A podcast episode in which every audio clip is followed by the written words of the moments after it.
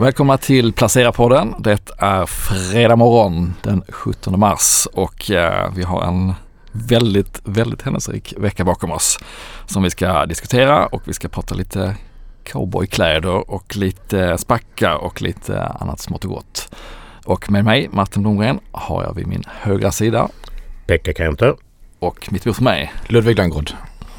Men eh, Pekka, det har varit lite att göra för dig i veckan. Det är inflation och det är räntehöjningar. Men ska vi börja med bankkrisen Ja, eller det- hur- vad tycker du? Ja, ja, det har ju varit en helt galen vecka så jag vet inte heller riktigt vad vi ska börja med. Man visste inte riktigt om man var tillbaks till 1987 och Black Monday eller 2007, 2008, Ja, finanskrisen.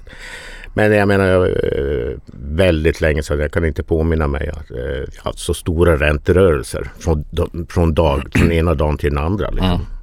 Utan det var ju till exempel tvåårsräntan i USA hade väl det brantaste fallet sen just Black Monday 1987. Och det startade med den här bankkrisen i Silicon Valley Bank. Eh, Och eh, sen spred den sig genom systemet. Och det, det enkla svaret på frågan vad som hände i Silicon Valley Bank det är ju att eh, investerarna förlorade förtroendet eller de som hade kapital eh, i banken. Eh, Och sen får väl eh, Fed ja, har ju startat en utredning vad det var som egentligen gick fel. En liten sån där eh, lustig, lustig anekdot i det här sammanhanget är ju att de var ju tvungna att börja sälja av sina tillgångar och gjorde stora förluster. Det, Och- på att man har det obligationer som man Ja, köpte precis. på lägre Och, räntor som mm. tappar i värde när räntan stiger. Ja, och, och så säger man att ja, de hade inte... Eh, men samtidigt måste man säga då att SVB då, Mm. eh, som banken förkortas. Jaha, de hade ju då det säkraste som finns. Nämligen amerikanska statsobligationer. Eh, så att... Men här, nyckeln här är väl om man håller dem tills till heter det, maturity, tills de löper ut. Mm. Då får man tillbaka pengarna. Men om man måste sälja dem när räntorna förändrats så har de ju gått ner i värde. Mm. Och här blir de idag tvingade att sälja eftersom kunderna plockade ut sina pengar eller insättarna plockade ut sina pengar. Och det pekar ju på ett eh, stort osäkerhets, eh, osäkerhetsfaktor i hela finanssektorn. Det måste ju finnas massor med olika institutioner som sitter med den här typen Mm. av obligationer där man man kan säga en av krisåtgärderna då som den amerikanska centralbanken har gjort det är ju att man får eh, låna mycket förmånligt i banken mot säkerheter Mm. som man tar upp till nominellt värde, inte riktigt värde. Ja, så det, det, det är inte För att hindra att fler ska hamna i den här situationen Ja, att man precis. måste Och- och- paniksälja. Ja, och antalet korta lån som eh, banker har tagit upp i, i vad heter det, förra veckan ho- hos, hos Federal Reserve var på den högsta nivån på en vecka Mm. någonsin. Till och med eh, större, eh, större låntagarna än under, finans, under den värsta veckan på finanskrisen. Så eh, det här är väl inte riktigt över än. Eh, men Nej, som man sagt bu- man, Man brukar ju säga att Fed höjer räntan tills någonting går sönder. Ja. Och, nu, och nu var det SVB som gick sönder där i, i fredags. Ja, man kan väl säga eh, om man vill vara lite elak så när eh, centralbankerna gör sina räntehöjningar. Det första som kraschar är finanssektorn. Ja. Det andra som kraschar är konjunkturen. Och sen det tredje är förhoppningsvis inflationen. Då. Okej. Eh, Så att eh, Men vad tycker du om det här eh, räddningspaketet?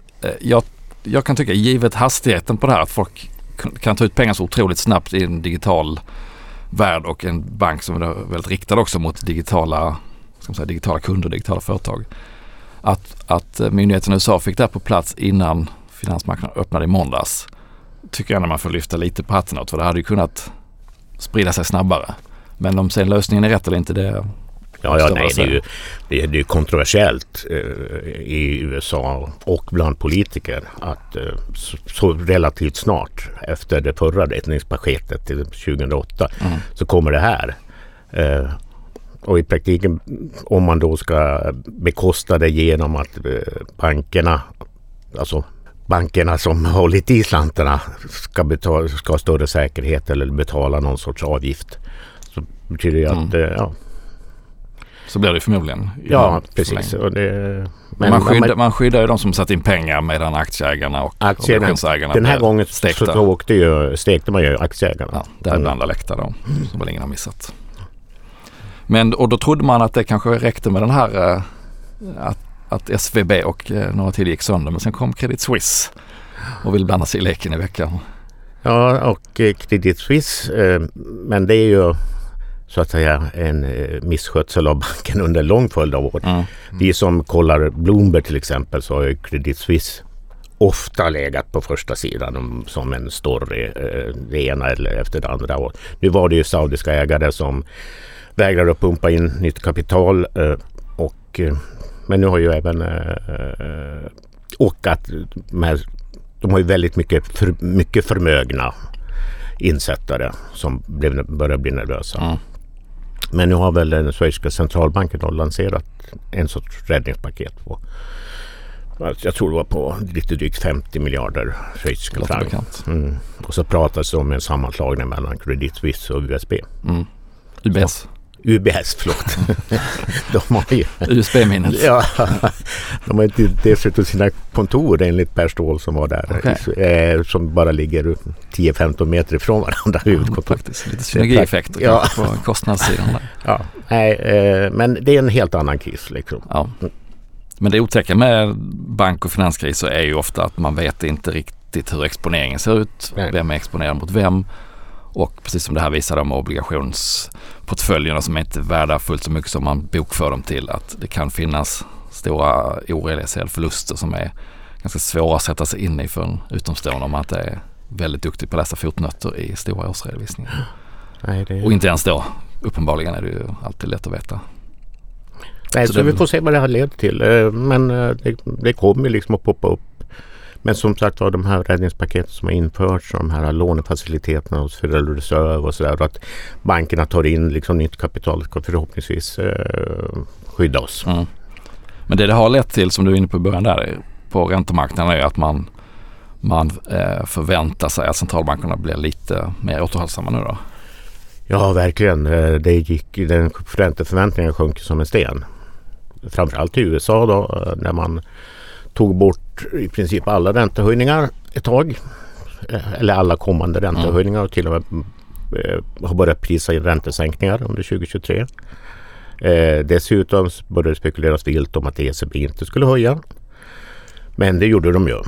Ja. Med 50 punkter och eh, till en eh, ränta på 3,5 procent. Eh, men eh, de försökte samtidigt lugna marknaden. Europeiska banksektorn står stabil.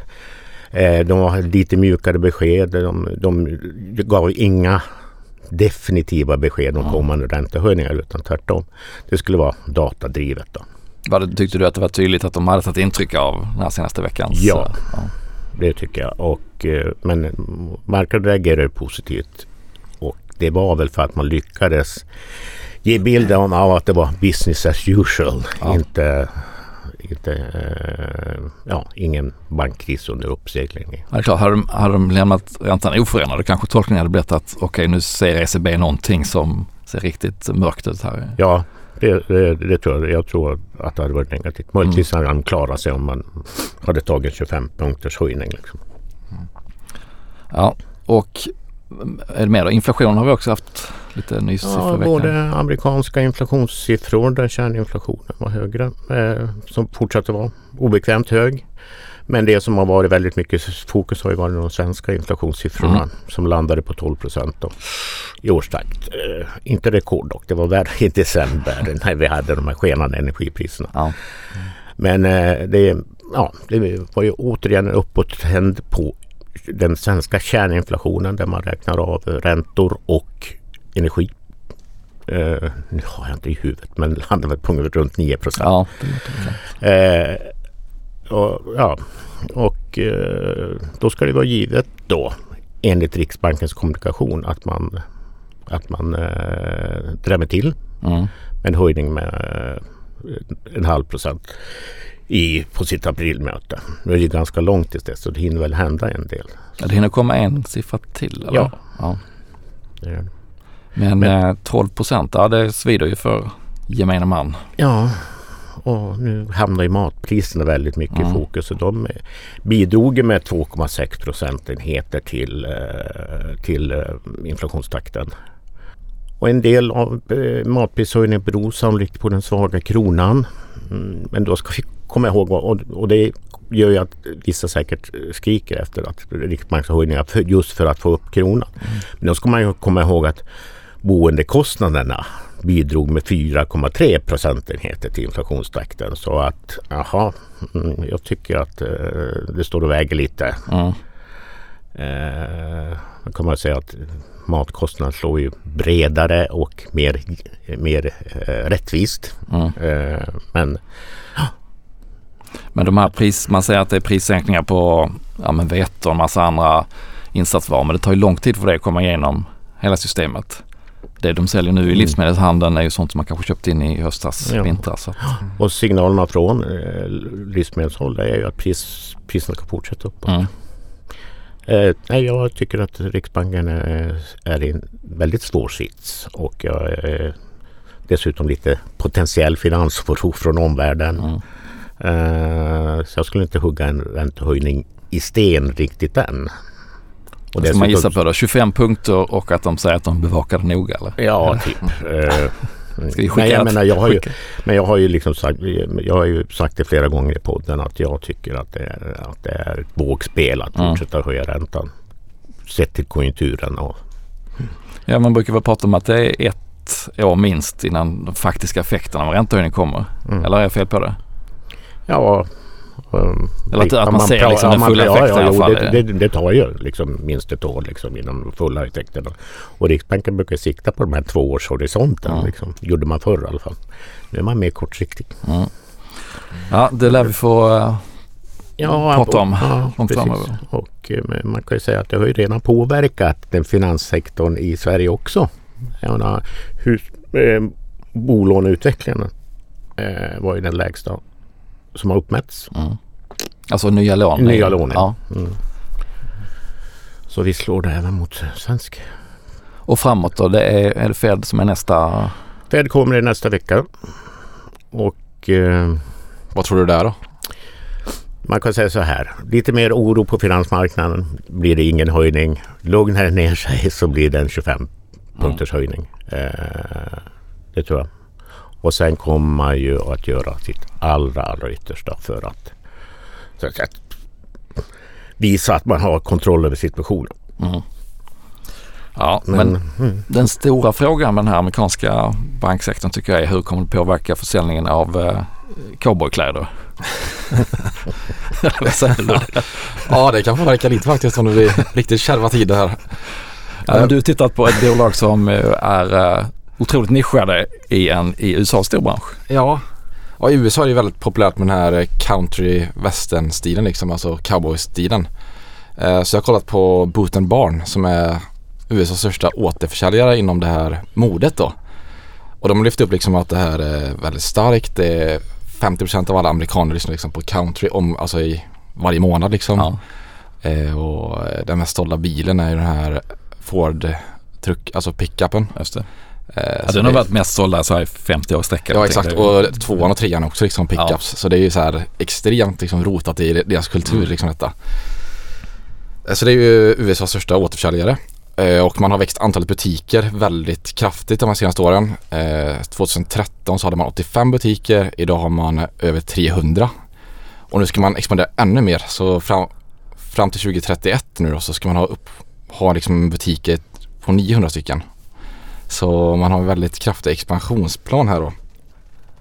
Eh, och man har största sättet av butikerna liksom i Texas och Kalifornien och Arizona.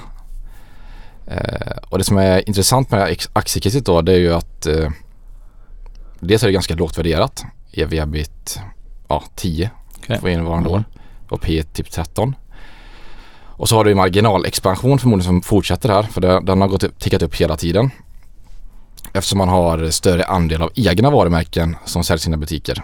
Så man har ju gått från att ha väldigt mycket tredjepart till att ha egna. Ni kanske nu står ungefär 32% av försäljningen. Så att, eftersom att detta på, alltså fortsätter att ta sin kaka i försäljningen så kommer marginalerna börja ticka uppåt. Ja. Så då har du delvis en ganska låg värdering och så har du ja, marginalexpansion. Och Och så växer du samtidigt Ja. liksom topline. Men det finns, det någon, eh, finns det någon marknad utanför USA tror du de kan gå in eller är det för? Ja, alltså man säljer ju, man har en e-handel så det säljs ju lite av deras varumärken även i Sverige tror jag. Eh, och man, eh, Hur många cowboyhattar äger du själv? ingen än, men kanske blir någon. Äger ni någon cowboyhatt eller? Untapped Stövlar. market. Nej, jag har inte det. Men jag jag har ju noterat att, eh, att eh, countrymusik börjar man lyssna på mer Mm. I, eh, internationellt Mm. än man har gjort. Det har varit nästan enbart amerikanskt fenomen. Mm. Men nu har ju omvärlden också börjat förstå att det är ganska bra musik. Mm. Sent påkommet men jag har själv börjat lyssna på country bara de senaste liksom, fyra, fem åren. Det är första steget och sen är det hatt Ja, nästa. sen är det hatt och sen är det boots. och bälte. Bälte. Ja, fett sånt här bälte vill vi se dig nästa gång. Sen en revolver. Nej, Ja, där. Ja, det. där, där, där tar det stopp. Då är det andra, för, då är det andra företag man kan Ja, då finns det andra Smith företag. Wesson de här är väl noterade också? eller? Ja, just det. Jag tror det.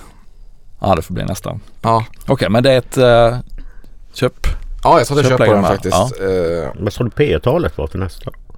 13, nej, innevarande 13 och 12 på nästa. Och så växer de toppline med ungefär 10% då per år. Och de ska öka antalet butiker med 10 år varje, 10% varenda år nu då i genomsnitt. Och sen ser jag, alltså man börjar också märka att det börjar bli mer poppis med så här cowboystövlar även i Sverige här. Jag pratade med min flickvän här och hon sa liksom att det är mycket influencers som ja, har på sig Okej. sådana här grejer. Amerikaner verkar vara helt galna i detta så ja jag tror det kan, det är ju lite en aktie som går under radarn. Det är verkligen ingenting som alla har i portföljen. Nej, jag har aldrig hört talas om dem innan. Så Nej, så jag tror det kan vara något man kan lägga och ha några år framöver här. Eh, Kul. Och du har kollat på spackar Martin? Ja, precis. Den är verkligen en helt annan nisch. ju. Eh, men ja, ni minns väl när det var spack-hås för några år sedan? Jajamensan. Ja, alla skulle ut i spackar. Alla skulle spacka. Ja, men om man inte vet vad det innebär så är det ju att man sätter ett bolag på börsen som bara har en kassa.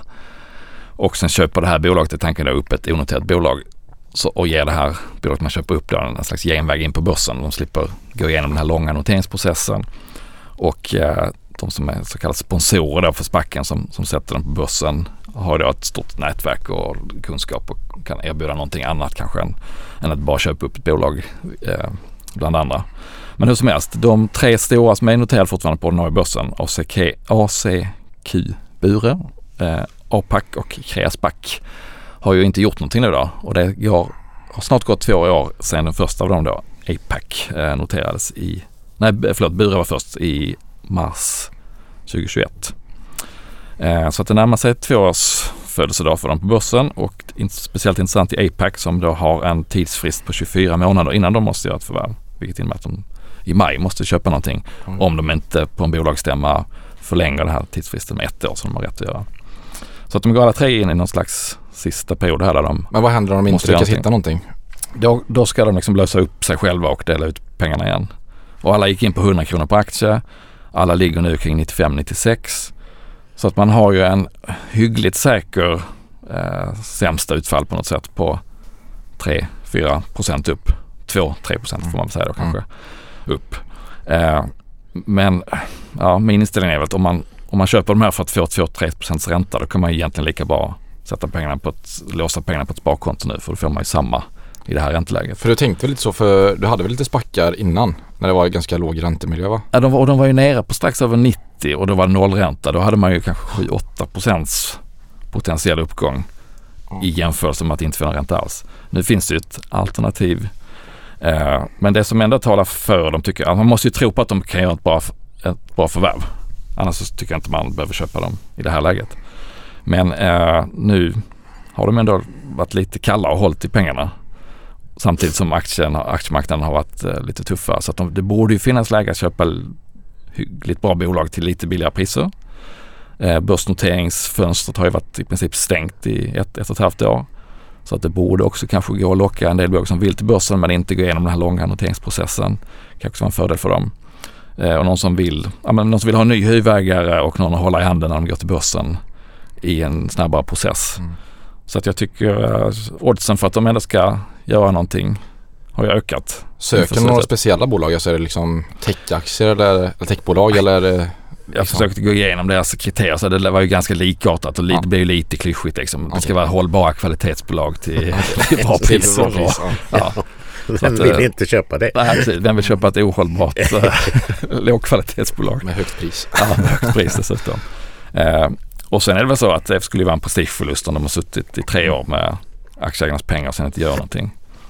Eh, plus då att den stora uppsidan för de här sponsorerna det är att de har då eh, täcknings, eh, täckningsrätter så att de kommer kunna köpa in sig i de här bolagen på en, en, en premium mot 100 kronor som de satsar på börsen men där de då får en bra uppsida ifall de köper något bra bolag som sticker iväg. Mm. Så att de, eh, tanken har ju varit att de ska köpa någonting som sticker iväg, inte att de ska sitta stilla i tre år och sen ge tillbaka pengarna. Så det talar väl för att det blir affär men eh, ja, frågan är vad de kan köpa som börsen verkligen gillar nu. Det, det är inte en sån marknad där Nej, saker sticker iväg jätteåsiktligt. 20% bara på att man nämner någon buzzword. Så att, eh, det gäller att de hittar något Mm. som man tycker att de köper till rätt värdering också. Men hur gör du då? Skulle du kunna tänka dig att köpa någon SPAC? Har du någon favorit? Eller? Ja, jag tycker att den här eh, upp, uppsidan till hundringen är lite för liten att bara få någon procent om, samtidigt som jag inte ser vad skulle de köpa som skulle verkligen få det att skjuta iväg. Ehm, och ska man köpa dem då kanske man ska vara lite, vara lite uppmärksam också när de köper något om den sticker iväg att kanske sälja direkt då. Mm. Så att nej, jag håller mig faktiskt avvaktande just nu men eh, jag tycker det, blir, det ska bli spännande att följa hur de gör här sista, i sista perioden. Hur lång tid sa du att de hade kvar på innan? Eh, Bure och Kräsback har ett år kvar, lite drygt. Fram till juni på Kräsback och, och eh, mars här då på Bures. Apex går ut nu i maj om de inte tar ett stämmobeslut på att förlänga. Men eh, då gör de ju förmodligen då så att de har ett år till på sig. Så att om man säger ett år lite drygt har alla tre på sig. Och de ska handla för ja, tre, minst 3 miljarder säger APAC, 3 till 7 miljarder i Bures fall. 2 till 5 miljarder i Cressback. Så det är ju det är inga mikrobolag men inte heller några large cap-bolag de letar Nej. efter. Mm. Så Mm. fortsättning följer på Ja. Sparkresan. eh, men hur har ni själva, vad har ni gjort i all den här turbulensen? Ja, ja, jag har tagit ett beslut. eh, Jag har ju haft eh, Lufthansa-aktier som har gått väldigt bra. Eh, Och sen var jag med i nyemissionen för ja, ett och ett halvt år sedan. Så att de vägde ganska tungt i min portfölj så att jag har halverat mitt innehav där. Skjutit ut Eh, ganska, ganska bra timing då Ja. på precis onsdag morgon där. Eh, precis innan det brakade till. Eh, och sen har jag sålt. Jag har ju haft en grekisk ETF. En grekisk ETF? Ja, alltså ETF på den grekiska börsen. Jag har gått mig förbi. ja, nej, Ja, och den och den eh, har ju också gått eh, rätt bra. Ja. Eller gått väldigt bra jämfört med, jämfört med mycket annat. Är det ett rederibolag? Vad är det för bolag en sån? Ja, jag frågar man inte. Eh, mycket rederibolag. Ja. Det finns en hel del finans också. Finansbolag. Eh, Med Coca-Colas buteljeringsverksamhet om jag inte minns fel. Är en rätt stor pjäs ja, på. som givetvis Ja. turist, turism och Ja. sånt där. Men eh, den valde jag också att hoppa av Mm. och tackade för, för mig. Har du kvar dina björnar? Exact Bear, ja. Det har jag. Oh, den har mått bra den här veckan. Ja, Ja. jo då, det jag. Men eh, Kommit ur idet. ja. Så nu är frågan om man ska kliva ur. Jag har väl nått mina 30 dagar Ja. gränsen här. I princip. Eh, Men eh, vi får se. Jag funderar väldigt mycket på vad jag ska göra med den. Ja. Mm, jag tycker väl att eh, det ser fort, fortsatt lite skakigt ut. Men vi får se efter vad Fed gör. Men, och så får vi se hur börsen öppnar idag. Mm. Vi sitter här innan börsen. Ja, vi har ingen aning faktiskt. Och hur den stänger. För att Hur den när det stänger, ja. händer saker på bankmarknaden så är det på helgerna kanske som det smäller. Så att det, det finns säkert en vilja att inte vara för exponerad inför helgen hos många. Ja. Så det Mm. kommer säkert att bli fortsatt svängigt. Mm. Du då Martin? Ja, jag har också gjort en del. Jag har städat upp lite i portföljen. Eh, Du har inte köpt någonting då förresten? Nej, Nej. men det kliar i fingrarna. Ja. Eh, jag har sålt en del, tagit hem en hel del vinster faktiskt.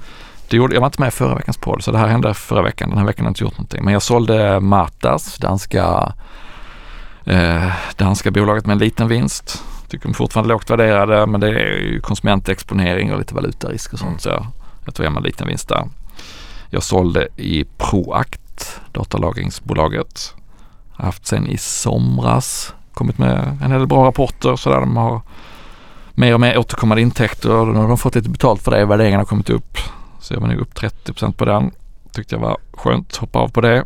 Och så sålde jag Aligo som gick som ett spjut här i början på året. Fick en massa köprekar både här och där. Upp 40% Det här tror jag att jag ska hoppa tillbaka till men just nu mm. kände jag att det var skönt att ta hem lite vinster. Eh, vad är mer gjort? Jag minskade i Kindred. Eh, alltså Unibet-ägaren. De fick ju en ordentlig smäll när de vinstvarnade i början på året. När de, tvärt mot alla andra, tyckte att VM var dåligt för dem. Eh, men sen hade den hämtat igen hela det så då sålde jag en del av det men jag är kvar med det mesta. Och vad gjorde jag mer? Jag sålde i Moderna, mm. alltså vaccintillverkaren. Eh, de har ju väldigt spännande projekt så inom cancerläkemedel och för att använda den här tekniken för andra läkemedel. Samtidigt som covid-intäkterna faller rätt kvickt nu. Mm. Så då blev det mer ett, ett biotechbolag. Eh, så jag hoppade av där med lite förlust. Jag hade sålt lite på vinst innan så gick det plus minus mm. på den. Så att, och jag har inte köpt någonting så att jag har gått upp en hel del i kassa. Riktig vårstädning. Ja, riktig vårstädning. Eh, ska väl köpa så småningom men jag är också lite... Eh, alltså om, om bank nu skakar, verkstad har ju gått rätt så bra trots att vinstprognoserna inte går upp och, och kanske att den här no landing scenariot kan man väl kanske lite tona ner. Nu är det kanske mjuk eller hård landning igen på kartan. Så det är svårt att säga att det ska bli en sån här jättepositiv börs närmsta ett, två kvartalen. Så att, eh, ja, skönt att ha lite kassa då om det skulle dyka ner. Mm.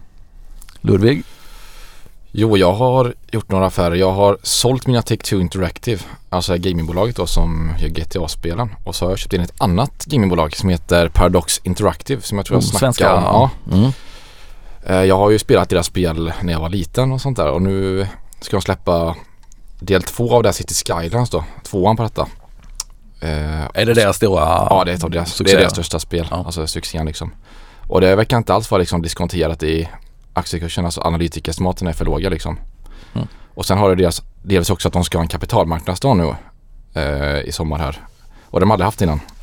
Så jag tror kanske en försäljning på G också av bolaget och att kanske Wester vill ut, eller vill komma ur liksom. Han som grundare då. Är det storägaren? Ja, han är största mm. ägare och VD nu. Så de, det har jag gjort och sen har jag köpt eh, lite mer Idun Industrier. Ett litet förvärvsbolag som eh, kommit ner lite nu. De eh, förvärvar små kvalitetsbolag i Sverige då i olika industrinischer. Så igår förvärvade till exempel eh, eh, ja, ett begravningsbolag som tillverkar likkistor. Så det är lite blandade ja, nischer kan man säga. Ja, känns ju som en stabil. Ja, det är inte, det är inte så cykliskt kan Nej. man säga. Nej. Så det har jag gjort. Inget mer än det. Inget mer än det? Nej. Ja men ska vi inte ta helg igen eftersom vi sitter här tidigt morgon den här gången men uh, gå och se hur börsen har öppnat ja, idag kanske. Det blir spännande. Tackar vi yes. för att ni har lyssnat. Ja, tack tack. Hej. Tack så mycket. Hej.